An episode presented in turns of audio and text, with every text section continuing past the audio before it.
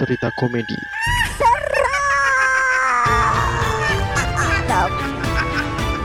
Balik lagi di Sisi Sadar bersama saya Riz Gavara. Bersama saya Sena yang saat ini lagi ketemu siluman ular dan duyung. Pengen bikin podcast seperti kita? Download Anchor dong. Nggak ribet. Lagi collab mereka lagi collab bikin ini event katanya. Kenapa tiba-tiba ada siluman ular dan duyung anjir? ya, ya kan gak apa-apa kan masih bi anu kan eh, biota air kan ya. Siluman ular mah nggak di air lah anjir. Ada di air, Bro, siluman ular ular belut kali ya. Ya tapi lu percaya nggak sama duyung? Putri duyung ya? Putri duyung. Yang sekarang digambarkan sebagai tubuh manusia dan kakinya dia kayak ikan gitu. Lu percaya nggak itu? Atau lu masih percaya bahwa itu hanya mitos? Gue ngerasa sih tetap mitos itu ya kayak ya karangan sastra kan kita nggak tahu ya kapan dimulainya. Cuman itu kayak ya nggak mungkin aja gitu kayak manusia hidup di air gitu. Tapi ada bro kajian Kajian-kajian apa tuh? kajian-kajian ustadz siapa gitu. Jadi di Quran itu ada sepenggal ayat di mana Putri Duyung itu ada gitu. Cuman ya nggak tahu ya. Itu rahasia Tuhan. Beneran? Gue baru tahu cuy. Katanya ada bro. Orang antum aja berenang sejam dua jam titit antum berkerut ya kan? Bukan bukan manusia memang dia Oh. kayak diciptakannya memang gitu bro. Karena kan memang lautan ini kan luas kan. Memang cuman berapa persen lautan yang yang saat ini sudah di apa ya dijelajahi sama manusia kan belum Explore. dieksplor kan belum belum nggak ada 50% nggak ada 50% masih dikit banget Bener. jadi rahasia rahasia rahasia laut tuh masih banyak banget sih Emang gitu sih. Ngomongin tentang lautan dan air, gue ada cerita nih. wah curang nih orang pasti dia nyiapinnya karena ceritanya gitu Lah, gue mah prepare. Ngomongin tentang air dan lautan gitu. Gue ada cerita tentang orang-orang lagi yang mancing dan misteri-misteri yang ada di tempat pemancingan gitu. Waduh. oke Sebelum ke cerita, gue ngingetin kalau eh, teman-teman yang punya cerita horor atau pengalaman horor boleh DM kita dan juga bisa kalaupun mau collab juga bisa ya. boleh banget dong Karena di setiap cerita misteri pasti ada celah untuk berkomedi Oke, oke oke, oke, oke, oke. Itu udah tandanya kan masuk sound yang mencekam gitu ya. Oke, gua ada cerita dari Bang Bang Ros, bukan Valentina Ros ya, bukan, bukan. Namanya Ros, dia asalnya dari Jawa Tengah. oke Gue mau ceritain pengalaman dia tentang kejadian yang ada di tempat pemancingan dia. Ya, pemancingannya ada di sungai ya. oke Jadi waktu itu si Ros ini sebenarnya udah mau pulang sih karena udah jam 3 pagi gitu karena dia mancing tuh mesti malam gitu. Tapi dia dikejutkan tentang kehadiran salah satu temannya gitu yang namanya adalah Agus yang datang secara tiba-tiba dan menyusul dia di tempat pemancingan gitu ketika mau pulang. Nggak tahu kenapa si Jamal nih datang ke sungai itu dan dia nggak tahu alasannya kenapa gitu. Cuman emang keadaan si Agus ini keadaannya basah kuyup gitu. Kayak abis bercinta di sungai enggak. Anjir enggak dong ya kecebur gitu ya kecebur kan. Ya namanya juga baju- bajunya basah gitu. Anehnya tuh ya dia tuh bukan penghobi mancing gitu. Jadi nggak mungkin dia ke situ buat mancing gitu. Apalagi sampai berenang di tengah pagi kan ya kan. Hampir fajar kan itu jam 3 pagi gitu. Karena si Agus ini katanya kalau ngomongin mancing itu itu hanya untuk buang-buang waktu gitu kata si Agus ketika dia ngobrol ketika se- eh, sebelumnya gitu. Oke iya sih memang beberapa orang kayak gitu sih. Terus terus? Iya kan? Tapi malam itu tuh si Jamal eh si Jamal si Ros ini bentar an- anjing kenapa tiba-tiba ada si Jamal cuk? Nggak ada ada Jamal tuh temennya lainnya gitu ada si Agus ini tuh meminta bantuan si Ros untuk menarik bubu yang ditinggalkan di sungai gitu. Ya aneh juga gitu karena si Agus ini nggak suka mancing nggak suka nyari ikan tiba-tiba dia eh, ini apa naruh bubu gitu. Tau gak sih bubu itu perangkap ikan? Tahu tahu tahu. Nah itu perangkap ikan lah ya.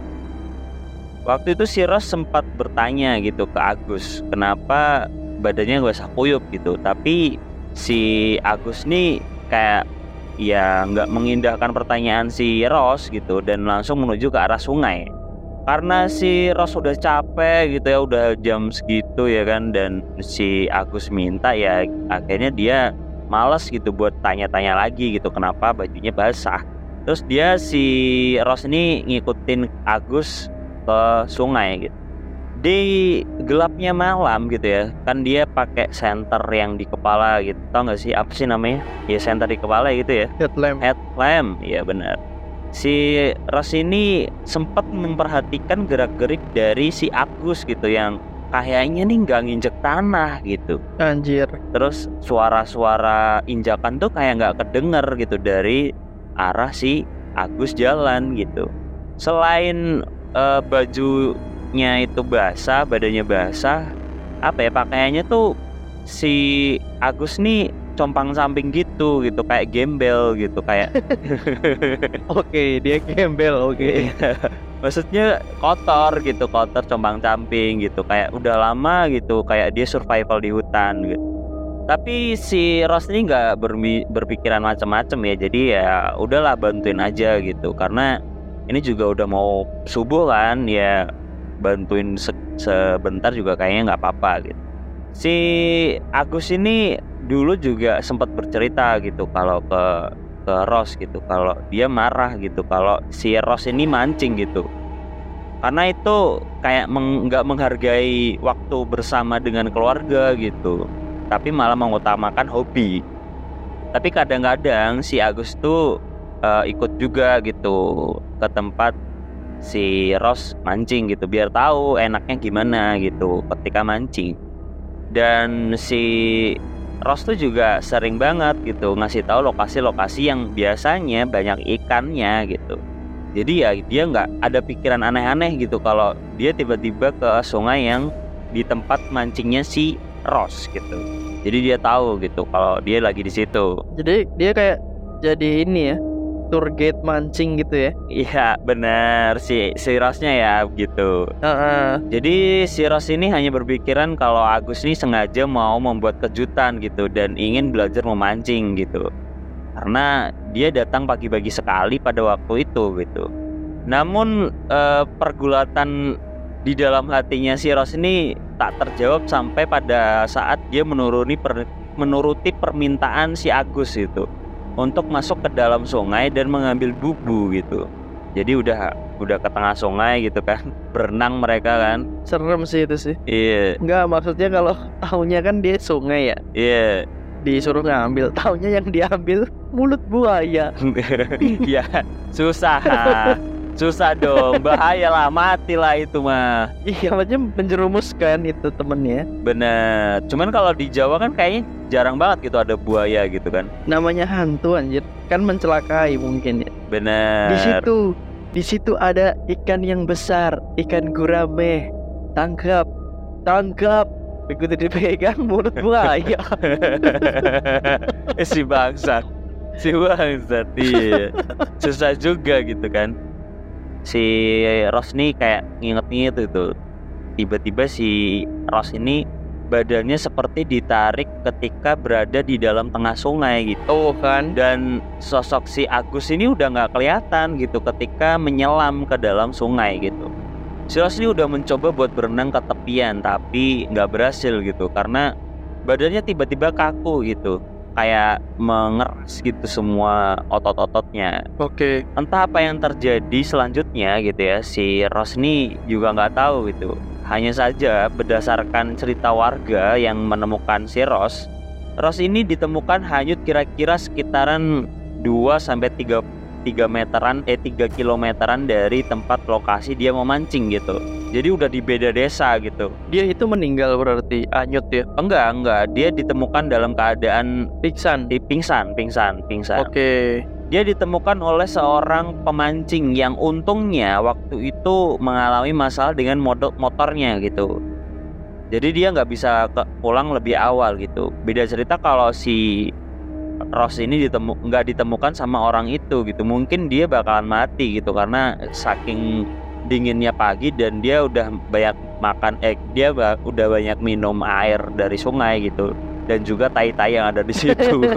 Iya itu yang racun itu sih sebenarnya. Iya kan? Iya kan, racun kan. Itu ajian sih sebenarnya. Dan akhirnya si Ross ini menggantungkan ini kan, menggantungkan apa apa sih pancingan tuh Ini joran joran. jorang, jorangnya gitu. Gantung jorang lah ya gitu. Dan beberapa aksesoris kayak pemanc apa alat pancingnya itu dikasihkan ke teman-temannya karena dia udah nggak mau lagi buat mancing gitu karena trauma gitu. Oke. Ya begitulah cerita yang sebenarnya cukup menyeramkan sih karena ya nggak tahu itu si Agus bener apa enggak karena setelah itu Agus itu kayak diem gitu kayak nggak banyak bicara gitu Oh jadi beda ya. Jadi beda orangnya. jadi beda Mungkin itu salah satu jebakan sih bro. Jebakan-jebakan hantu sungai itu kalau nggak salah nama jebakannya itu tai susur sungai. Kenapa Ajian bro itu bro. kenapa tai susur sungai Aj- kan bener si siapa tadi namanya? eh si Ros Dia kan pingsan terus dia kan ngambang anyut kan menyusuri sungai menyusuri sungai dan dia mengikuti pergerakan arus air. Itu namanya ajian tai susur sungai. Dia tidak bisa melawan arus sungai. Iya karena kan tai kalau misal dia di sungai kan ya dia ngikut aja sama arus tuh ya kan? Ngikut aja kan? Iya. Penekanannya bukan di tai dong. Jadi nanti kalau misal dia sudah tersangkut nggak ada yang nolong. Anjir. nah itu baru mungkin jiwanya diambil sama hantu penunggu sungai Bisa jadi, bisa jadi. Ya, gitulah cerita dari Kang Ros ini yang dari Jawa Tengah. Jadi buat teman-teman yang mancing kalau bisa sih mending berdua ya, berdua atau bertiga gitu ramean, jangan sendirian gitu. Takutnya kenapa-kenapa gitu. Tiba-tiba ada orang yang kayak ada sosok yang menyerupai temen lu dan eh, dia mencoba buat mencelakai kalian gitu. Iya sih mancing apalagi kan karena ada ada apa ya namanya ya? Bukan istilah sih bukan slogan apa ya? Ini nih air tenang menghanyutkan. Pernah dengar nggak lo? Apa sih namanya kayak gitu gitu tuh? Peribahasa, ah peribahasa. Air tenang menghanyutkan. Kan ada kan yang kayak gitu. Bener. Gue kirain air tenang yang ada air rasa-rasanya. bukan air tenang menghanyutkan. Oh, bukan ya. Oke, gitu ya cerita dari gua. Emang nggak terlalu creepy, emang. Ya namanya juga berusaha lah ya. Tolong dibantu gitu. Oke, thank you banget buat yang udah dengerin sisi sadar. Tetap di sisi sadar. sisi lain dari alam bawah sadar